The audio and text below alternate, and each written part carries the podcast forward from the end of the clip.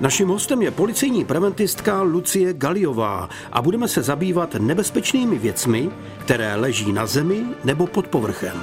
Nejohroženější skupinou nálezců takových předmětů jsou malé děti, protože právě malé zvědavce takové věci zajímají. Tak ty nebezpečné nálezy můžou být elektrické dráty, které jsou pod proudem, může to být injekční stříkačky, výbušniny, munice z druhé světové války a v neposlední řadě neznámé tekutiny.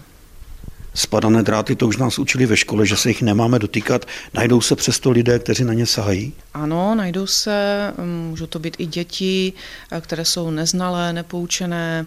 Dospělí by měli poučit děti v případě, že se dostanou do kontaktu s takovou věcí, s takovým nálezem, tak eh, se jim vyhnout, najít vhodnější cestu, obzvlášť když slyší nějaké jiskření, eh, které eh, z tohoto prostoru vychází.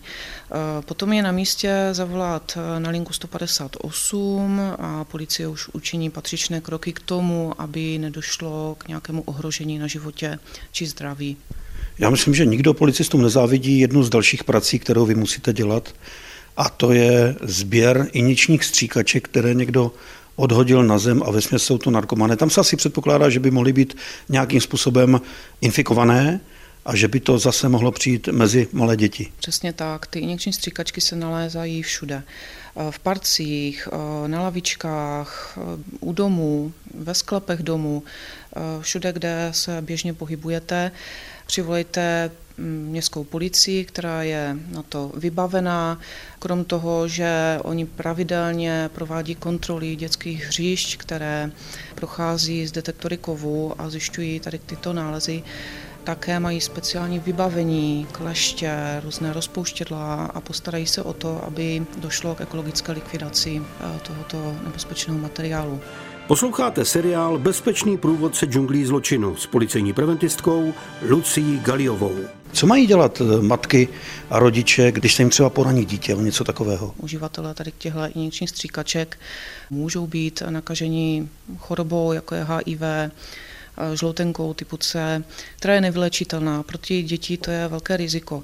V případě, že se dítě nějakým způsobem poraní, je vhodné vyhledat lékaře, jít na vyšetření a to dítě je potom dlouhodobě sledováno. Je dobré, když už jdu s takovým malým dítětem třeba na pískoviště, abych jako rodič nejprve to pískoviště prošel, abych se podíval, jestli v okolí něco takového není? Je to na místě je toho opravdu hodně. Co sbíráte ještě? Nevybuchlou munici stále se nachází z druhé světové války nejenom v lesích, ale například při stavbě, při vykopávání základů.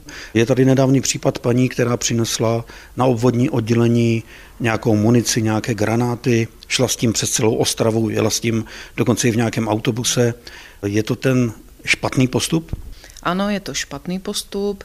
Eh, na věci nešahejte nikde, nepřenášejte, nepřevážejte, protože se vystavujete zase riziku, eh, že by ta daná věc, v případě, že by to byla výbušnina, eh, mohla explodovat.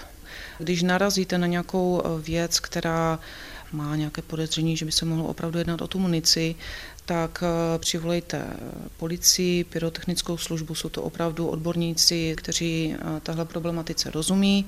Nestýďte se za to, že ten pyrotechnik eh, například vykope děravý hrnec. Myslete na svoji bezpečí, na své zdraví, než aby bylo pozdě. Hrozí na naše děti ještě něco zajímavého?